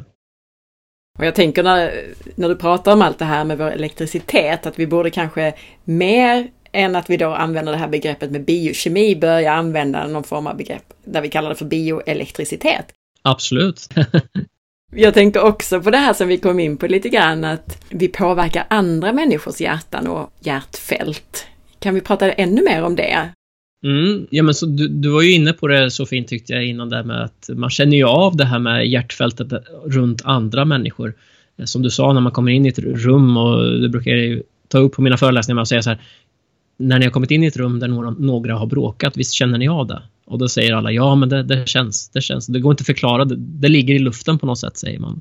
Eh, men det är ju att ditt hjärtfält känner av deras hjärtfält som då kanske är mera stressade eller så eh, i ångest eller deprimerade eller vad det nu kan vara efter, efter ett gräl eller ett bråk. Eh, så känner ditt hjärtfält av det.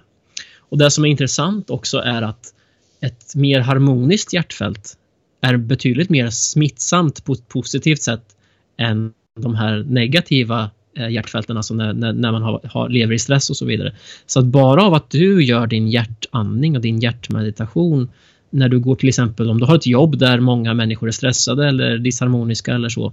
Om du kommer in där och har ett mer hjärtmedvetande, ett mer hjärtnärvarande så smittar det av sig på de andras hjärtfält så att de ofta blir då påverkade på ett positivt sätt av ditt hjärtfält. Så att det är också ett sätt som, som eh, jag brukar eh, likna det vid att, att tänka på. Att, att, att i, i, viktiga situationer i livet, eh, löneförhandlingar eller, eller eh, när du ska gifta dig eller vad som helst, att, att vara i hjärtat, att sätta dig en stund och, och hjärtandas innan, inför viktiga beslut i livet och inför viktiga händelser. Så att du verkligen är i hjärtat och även andra människor runt omkring dig hamnar mer i hjärtat av att vara nära dig. Menar du då att om jag är positiv och har positiv energi och är mer i hjärtat, att det smittar mer än om jag då är bredvid en person som är negativ, att mitt positiva smittar mer än det negativa? Ja, precis. Och inte nog med det då, så, så, så ju mer du hjärtandas och är i det fältet så märker, kommer du märka att du blir inte lätt, lika lätt medryckt i andra saker, andras energier, andras drama eller stress eller så. Utan du kommer mer kunna vara ögat i stormen som, så att säga. Att du kan mer ha ditt inre fokus i ditt, i ditt eget hjärta och på det sättet så även om det stormar runt omkring dig så kan du fortfarande hålla fokus. Eh, så skulle jag vilja säga att jag skulle förklara att hjärtandas och så. Men som sagt även att det påverkar andra definitivt. Många har nog känt av den här effekten att man om man till exempel mediterar tillsammans, många i ett rum, att det kan vara så mycket mer kraftfullt än om man mediterar ensam. Ja, precis. Så, det är ju en enormt eh, mycket starkare effekt där när vi, när vi är tillsammans, för det amplifieras och sen liksom om vi sitter eh, då tio personer i, och är i hjärtnärvaro så blir det ju fältet minst tio gånger större då kan man säga av, av att vara i hjärtat. Så eh, definitivt så blir det ju en enormt mycket starkare effekt av det där. Och just med att, att eh, kärleken är ju som vi pratade om den, en av de starkaste krafterna i universum. Om jag skulle nog till och med säga den största kraften i universum som, som verkligen, jag är helt övertygad om att det är kärleken som skapar galaxer och, och stjärnor och, och supernovor och sånt med. Det är kärleken som finns där ute i universum. Det, det, hela universum består av kärlek enligt mig. Mm. Eh, så att eh, där har vi så enormt mycket potential att, att eh, tappa in på om vi, om vi ger oss ger oss in mer i, i kärleken och hjärtnärvaron där.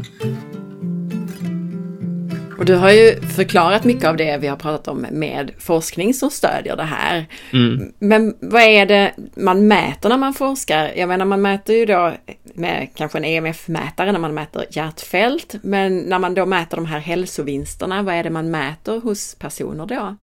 Ja, du kan ju till exempel mäta, som vi pratade om där med pH-värdet och så, det kan man ju göra själv hemma med eh, lackmuspapper är ju så här som man kan testa sitt urin och sin, eh, sin eh, saliv, vad, vad du har för pH och så vidare. Det är ju ett sätt som man alla kan göra hemma till exempel. Då. Och spänningen i kroppen, det går också att mäta med vissa instrument så att det kan man också göra med en, eh, en enkel eh, utrustning för att mäta spänning. Som man till exempel mäter spänning i kablar med kan man mäta på kroppen till exempel. Men eh, det är en annan, eh, ett annat sidospår som vi tror vi, jag tror vi skulle behöva sitta i några timmar och prata om det. Men eh, där man kan mäta upp rent hälsomässigt är ju till exempel de här HeartMath-institutet. De har en en, en app som man, man kan tanka hem gratis och sen så kan du köpa ett verktyg som du sätter på örat som eh, då är kopplat via Bluetooth eller med, med eh, kabel då till din mobil och så kan du se när du är i hjärtkoherens eller inte. Eh, så att du kan lära dig och då har, finns det med i den här appen hur du andas fem sekunder in och fem sekunder ut och så vidare.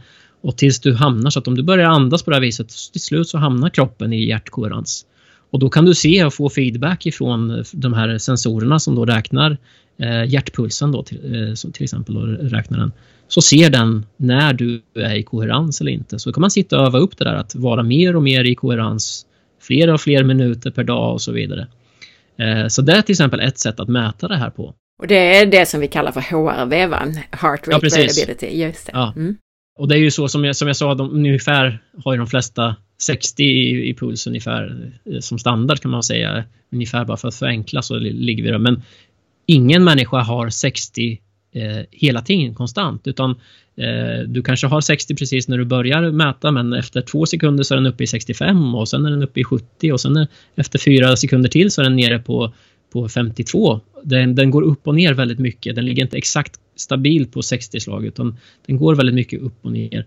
Och ju mer stressade vi är desto mer hoppar hjärtat upp och ner och så vidare i puls.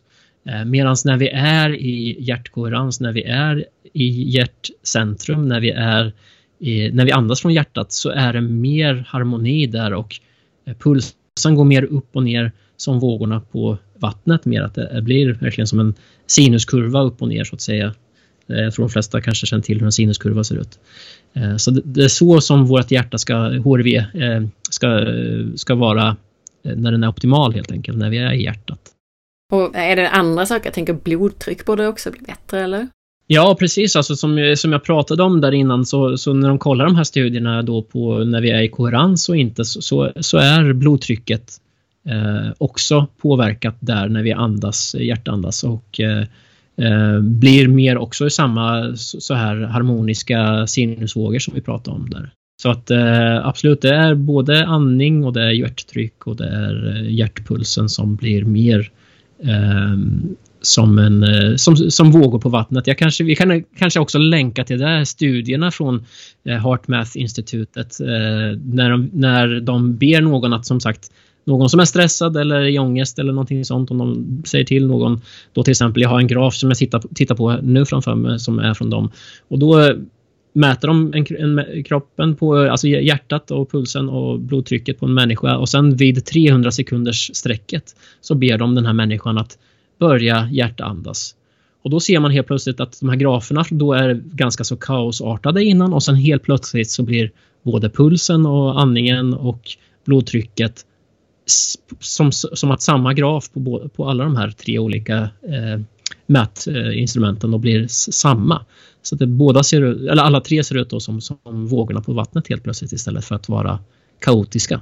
Och det är där som då, när vi är i koherens, då säger, säger forskarna att kroppen hittar lättare till läkning eller vi börjar läka. Så att inte nog med att vi då stressnivåerna går ner till noll, så alltså kortisol och adrenalin och sånt går ner till noll i stort sett i kroppen. Även för åldringshormoner går ner till noll i stort sett. Eh, och kroppen kan läka när vi är i det tillståndet. Så vi, det är inte bara att man vill vara hjärtcentrerad då för, för att vara mer harmonisk eller så eller må, må bra utan det även påverkar såklart hormoner och, och allt annat i kroppen.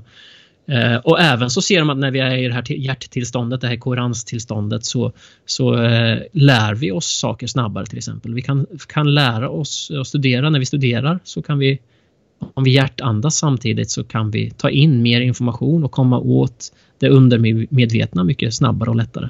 Till exempel. Så det finns väldigt många olika fördelar med att vara i det här hjärttillståndet. Förutom bara att må bättre så att säga.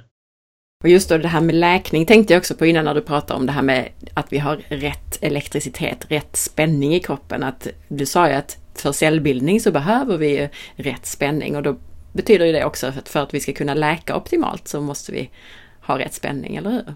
Absolut, så det är ju de här eh, rätt millivolt och då eh, minus 25 millivolt för att kunna läka och det behövs då i varenda cell i hela, hela kroppen behöver vara minus 25 millivolt för att kroppen ska må bra. Och eh, dricker vi mycket cola och käkar friterat och så vidare så går spänningen neråt för att vi, då får vi oss mycket positiva joner som en dåliga för oss. Och då till slut så kan inte kroppen ha rätt spänning. Så är, om man ser det så på ett mer, och det kallar jag då för mer holistiskt synsätt på hälsan, så förstår man hur kroppen funkar på ett helt, sätt, helt annat sätt än, än vad man gör annars. Eh, så att hur många har gått till doktorn och så har de sagt vad har du för spänning i kroppen eller vad har du för pH-värde? Det, det, tror jag inte någon gör i västvärlden i stort sett.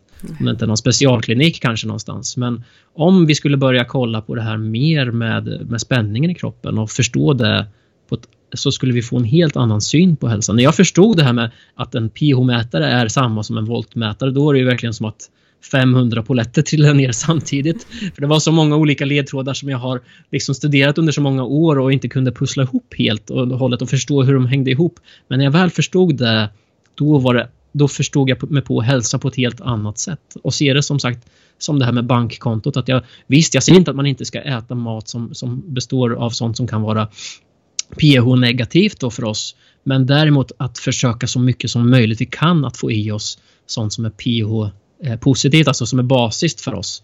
Eh, att äta sånt som består av mycket eh, mineraler också är tätt sammankopplat med, med pH-värden. Så att få i sig mycket mineraler brukar också påverka kroppen så att vi får rätt spänning i kroppen.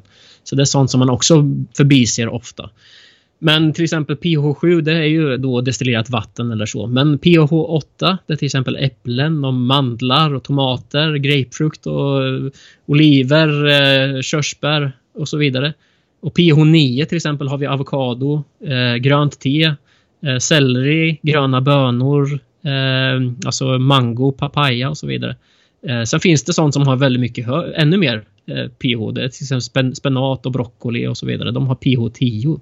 Mm. Sen finns det mat som är försurande för oss och det är liksom popcorn och eh, ost och mjölk och sådana grejer tyvärr som har pH, kan ha pH 4, 5 och sådär. Mm. Så eh, men, men, du menar egentligen inte pH i själva livsmedlet utan det nej, effekten inte det får i, i kroppen? Eller hur? I, i ah, kroppen, precis. Ja. Så, att, så det är en del som frågar mig då på föreläsningarna. Jaha, men betyder det att jag inte kan äta citron eller sy, syre, surkål till exempel? Nej, det är tvärtom. Alltså, även om eh, citron och surkål smakar surt så blir det faktiskt positivt i, i kroppen, alltså basiskt i kroppen. eh, så att eh, eh, det, man ska inte bara utgå ifrån att någonting smakar surt och tänka att det här är farligt för mig utan eh, många gånger så är sånt som är men det beror ju, ju, mer, ju, ju mer processat någonting är oftast så blir det mer surt för kroppen, alltså påverkar kroppen så att vi blir eh, pH negativa, alltså vi, vi får pH 4 eller någonting av av att äta det.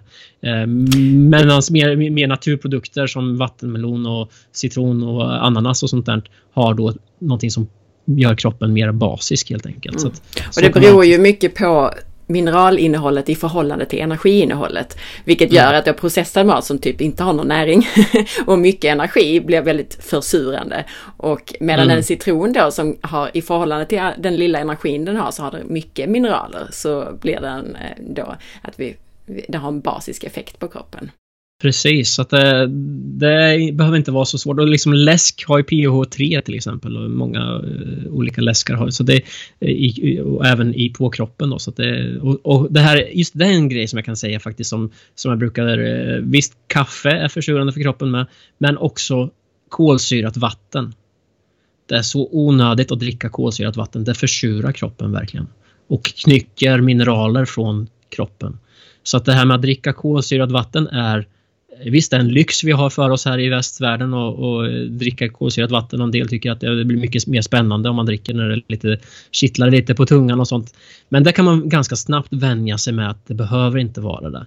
Så att det, det, det är någon, ett väldigt onödigt sätt att försura kroppen på. Så att en, bara en sån enkel grej att sluta med att dricka kolsyrade drycker så kan man komma långt med att börja mer, bli mera PH Eh, alltså basiskt då till exempel i, i kroppen.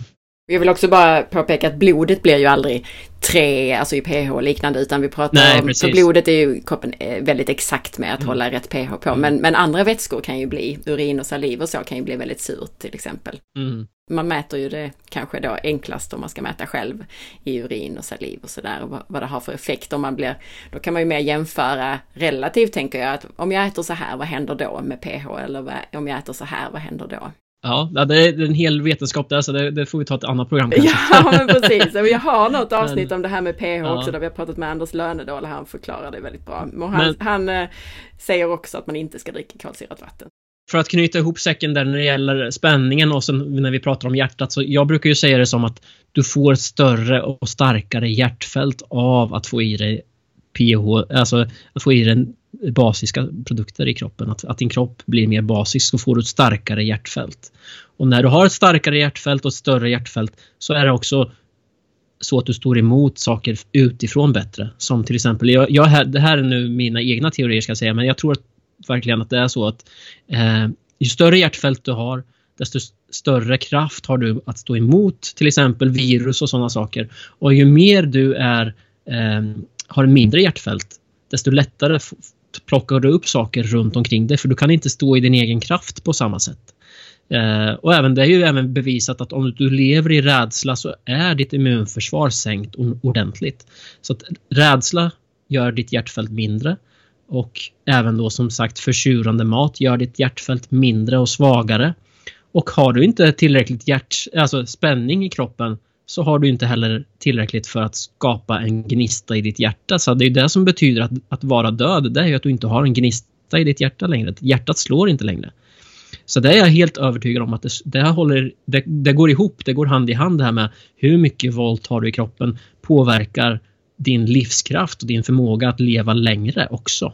För att om du har då hela tiden och får svagare och svagare gnista i kroppen lite överallt. Hjärtat är ju sista platsen som kroppen kommer eh, prioritera bort så att säga. Alltså, man prioriterar bort olika grejer för att ja, nu har vi inte tillräckligt med spänning nu för att ta hand om lillfingret. Ja, men då kanske lillfingret får eh, tappa känslan eller vad det nu händer. Men, så hjärtat är ju sista organet som kroppen kommer liksom prioritera bort. Den, den kommer alltid prioritera hjärtat så att säga. Men jag är helt övertygad om att eh, ju mer negativa joner du har i kroppen, desto lättare kommer du ha också att, att vidhålla en vitalitet och en, en eh, ungdomlighet också. Att jag tror det går hand i hand. Eh, inte bara att leva länge utan att alltså leva länge och må bra också. Att det är kopplat med det här att ha rätt spänning. Hjärt, hjärtgnistan är så mycket viktigare än vad vi har förstått innan. Det går, går verkligen hand i hand, det är jag helt övertygad om när jag hoppade tillbaka till det här med spänning medan du pratade om det här med hjärtandning och koherens och så vidare, så tänkte jag också på det här att att vi faktiskt producerar ju mer fria radikaler och sura biprodukter när vi är uppe i varv och stressade. Så att när vi då andas på ett mer optimalt sätt och kommer i koherens så bildar vi också mindre av de här produkterna som vi behöver neutralisera med våra elektroner. Mm, absolut, så är det definitivt. Alltså allt vi pratar om hänger ihop menar jag. Ja, och eh, även i naturen funkar det så att eh, saker som håller på att dö, den går ifrån att vara på, de flesta saker i naturen har en positiv spänning, alltså pH positivt så att säga, alltså över 7 när det lever som alltså en äpple eller ett björklöv eller någonting. Den, den är basisk, basisk av naturen. Men när, när lövet faller till marken så börjar det sakta försuras och sen kan städpatrullerna komma in i naturen och börja städa upp. Så också inte nog med att när våran kropp blir försurad så, så är det i så stort sett att vi säger till alla bakterier och mögelsporer och så vidare att här är någonting som håller på att dö. Och så kommer naturen och börjar liksom städa upp så att säga. De tror att din kropp håller på att dö så nu, nu kommer städpatrullen in. Så jag tror mycket, mycket med vår hälsa kommer därifrån också om vi förstår oss på det. Att om vi håller rätt spänning i kroppen så kommer inte heller eh, de så att säga, städpatrullerna in, i naturen in i din kropp på samma sätt och får fäste på samma sätt. Jag tänkte på det här att du sa att äh, hästar nästan hela tiden hjärtandas, om man ska uttrycka det så. Ja. Du själv, alltså hur mycket hjärtandas du? Gör, gör du också det hela tiden nästan? Jättebra fråga. Det har jag faktiskt inte mätt under en hel dag. Jag kanske skulle prova att ha en sån här eh, HeartMath-mätare eh, på mig en hel dag och se hur, hur många timmar per dag som jag hjärtandas eller är i hjärttillståndet. Det vet jag faktiskt inte själv men jag vet att det blir mer och mer för varje år som går. Så mycket vet jag i alla fall att jag är mer och mer i mitt hjärta. Jag, självklart, jag är inte i hjärtat hela tiden, det ska jag inte säga. Eh, vi behöver vårt, vår hjärna också och det är ett viktigt organ absolut. Så det är inte det jag vill säga att vi ska helt slänga hjärnan i papperskorgen medan vi lever. Men eh, vi behöver hjärnan för vissa saker. Eh, och när vi lös, löser matematiska problem eller sånt så behöver vi oftast vara i hjärnan på ett eller annat sätt. Eller, eller sitter med tabeller eller eh, vad det nu kan vara, sitter och betalar räkningar eller något sånt. Eh, men eh, man kan nog ju också göra sådana saker mer från hjärtat också, absolut, det är jag helt övertygad om. Eh, på, på, din fråga så kan jag inte svara då exakt vad jag, hur, hur mycket jag är i mitt hjärta men eh, jag har för vana att eh, sätta mig en stund på morgonen till exempel. Det är många som gör och börja hjärtandas en stund. Eh, och det som sagt behöver inte sitta en timme eller så utan det kan räcka med några minuter bara när man vaknar och börjar hjärtandas. Så blir du mer också för att om du börjar din dag på det viset så blir det lättare att du hamnar i hjärtandningen under resten av dagen också. Och jag brukar passa på att hjärtandas till exempel när jag kör bil. Eh, så att du kan hjärtandas både med öppna och stängda ögon, men då såklart ska du när du kör bil ska du använda öppna ögon såklart. Eh, men det går så att eh, många gånger när jag har mm, saker, jag ska säga, jag behöver fördriva tid på ett eller annat sätt och vänta på någon eller köra bil som sagt eller resa eller någonting. Så passar jag på att sitta och hjärtandas under tiden som jag gör det och eh, tiden försvinner på ett helt annat sätt också när man är i det här hjärtspacet. Det kanske många känner igen när ni har mediterat att eh, det kändes kanske som att det tog fem minuter och så har det gått en timme helt plötsligt. Och där när vi är i det tillståndet så blir tiden lite mera lös så att säga. Den blir lite mera eh, böjbar så att eh, när du kör bil så kanske det kändes som att det tog fem minuter men du har kört en timme. Mm. Så att eh, du kan även vinna på det sättet kan man säga att, att eh, och även att du, du tränar din kropp och ditt hjärta att vara mer i hjärtat, liksom att sitta och hjärtandas. Så varför inte göra det när du, när du har lite tid över, där du kan göra något annat. Mm. Och jag ska bara förtydliga att när vi pratar om hjärtandning att man inte behöver sitta med den här grejen på örat och mäta sitt HRV. utan, utan det här är ju någonting som man eh, gör utan det, men man kan om man vill mäta någon gång. Mm, absolut.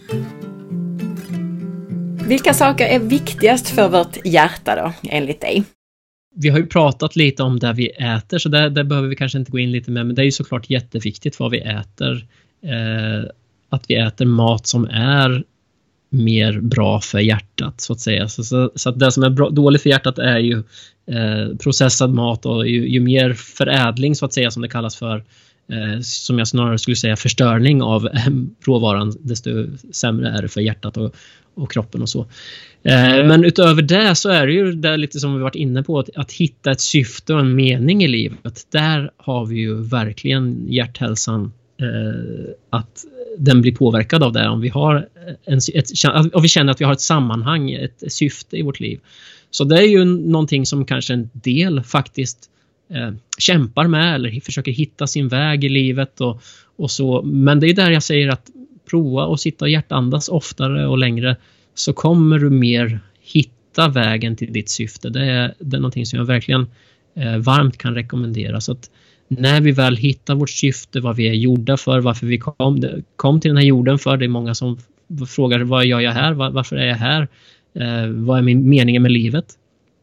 Eh, när vi hittar svar på sådana saker så mår vårt hjärta mycket bättre. Så det är en sån sak som, som jag verkligen kan rekommendera och, och som sagt svaren får ni när ni är i hjärtat mer så att ni kan hitta syftet med livet. Eh, och eh, mer saker som är bra för hjärtat, ja det är såklart att röra på oss, det vet ju alla om vid det här laget. Att eh, liksom hjärtat får lite workout också så att vi inte bara sitter stilla och så. Eh, vad mer kan vi säga? Ja såklart naturen och det var det vi pratade om lite innan att att vara omkring där det finns mycket negativa joner och det är ju som sagt i skogen och runt omkring vattendrag och sånt finns det mycket negativa joner. Grottor faktiskt är de, de platsen på jorden där det finns mest negativa joner. Eh, så att eh, det finns ju vissa länder där man eh, läker, man går för att läka vissa åkommor genom att gå och lägga sig i en grotta en stund. Mm. För att kroppen laddar på med då negativa joner som den behöver för att kunna lösa det här med kronisk inflammation och sådana saker. Tänk då när vi under evolutionen har bott i grottor. Ja. jämfört med nu då när vi bor i så syntetiska boxar. ja, precis. Och, och, nu bor vi i plast, plastkartonger liksom och plast är ju någonting som består av positiva joner och som då eh, lakar ut våra negativa joner är jag helt övertygad om.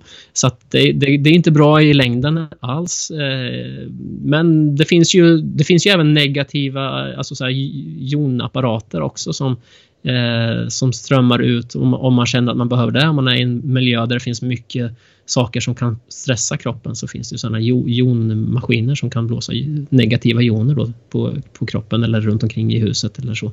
Så det är en sån sak man kan eh, göra med om man känner att det extra mycket behövs. Mm det känns mer hållbart att gå ut i naturen men det, jag förstår verkligen eh, om man vill så här, om man bor i storstan och, och, har ett jobb och måste vara inne mycket, att man kanske vill biohacka på det sättet. Ja, precis. Men, jag tänker på alla andra fördelar med färger och ljud och, och dofter och så i naturen. Att, mm. att eh, jag, jag, tror på den vägen mest.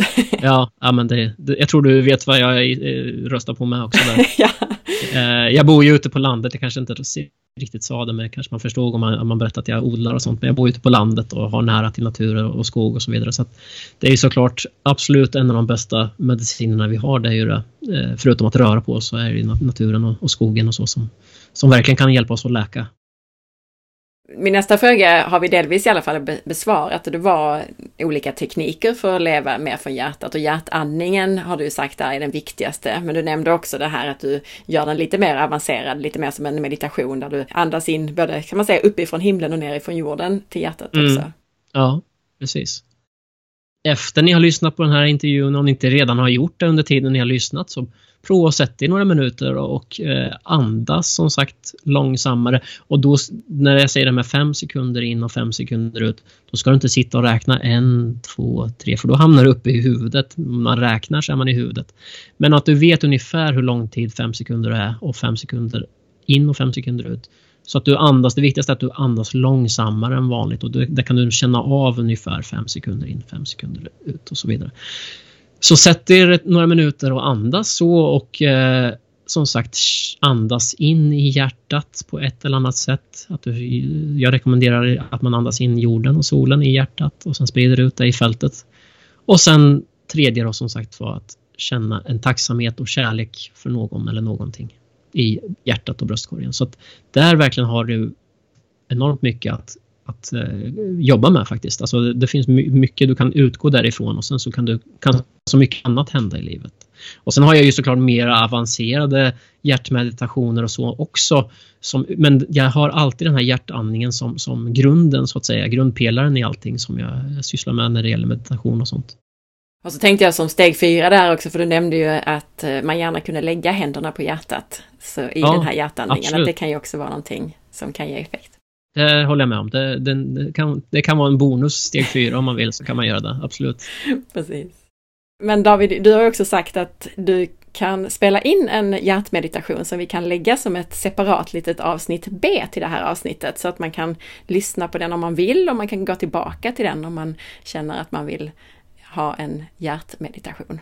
Absolut, så det, det, kan jag spela in och så eh, får du lägga in den då. Du kommer då efter det här avsnittet antar jag då, i listan när man kollar på avsnitt eh, i, i, sin podduppspelare antar jag.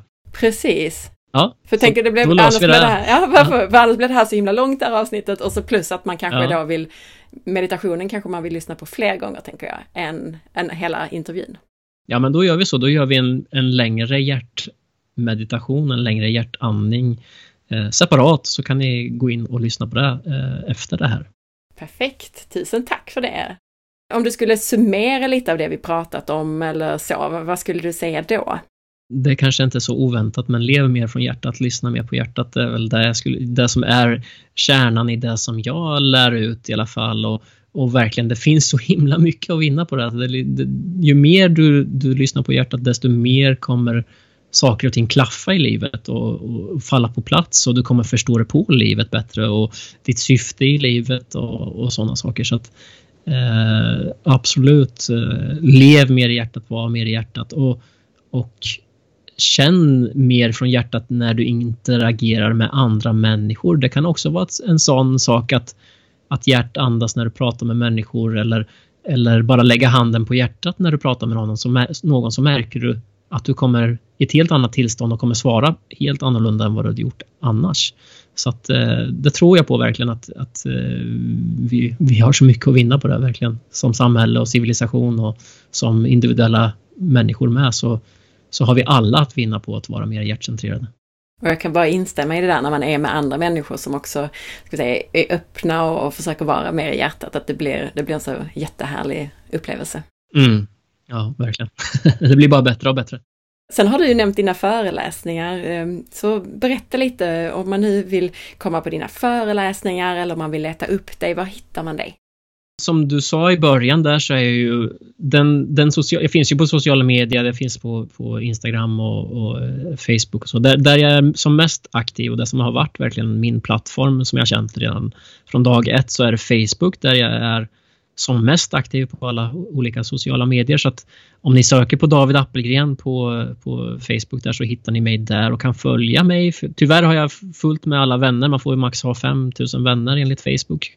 Men det går jättebra att trycka på följ där till exempel så får ni följ, alltså kan följa mig med alla mina uppdateringar och, och eh, vart jag föreläser och sådär.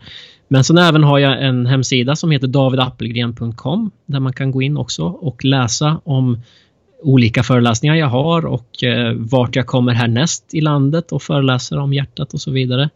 Eh, så att där kan, man, kan jag tipsa om att gå in. Så att antingen som sagt Facebook eller davidappelgren.com. Tusen tack för att du har delat med dig så här generöst av all din kunskap och alla härliga tips om hjärtat. Ja, men det, det enda naturliga för mig känner jag att, eh, att vi delar med oss, vi människor. Att vi alla ska hjälpas åt att hitta mer till, till hjärtat och hitta tillbaka till hjärtat. På naturshoppen.se får du rabatt om du använder koden SPARRE Hos Naturshoppen kan du köpa matbaserade högkvalitativa tillskott såsom mineraldroppar, torskleverolja, bredbar benmärg, gräsbetad organmix och Adrenal Cocktail. Avsnitt 231b med hjärtmeditationen kommer att finnas tillgängligt från och med måndag. Tills dess kan du träna på hjärtandningen som vi pratar om här i avsnittet. Lyssna gärna även på avsnitt 145 med Anders Lönedal om sanningen om syra-basbalans, hur du påverkar kroppens pH och vad det gör för din hälsa. Avsnitt 232 om EMF, hur mobiltelefoner med mera påverkar din hälsa.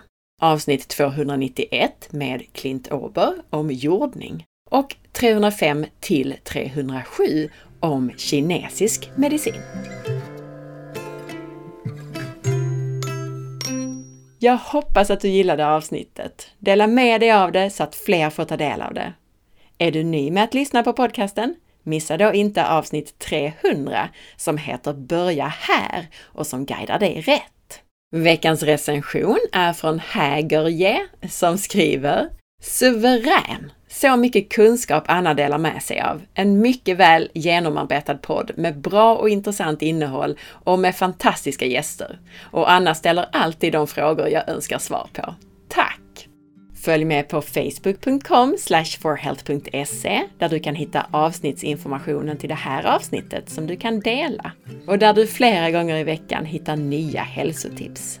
Följ också mig på Instagram via asparre och titta in på bloggen på forhealth.se. Ha nu en fantastisk dag så hörs vi snart igen. Hejdå!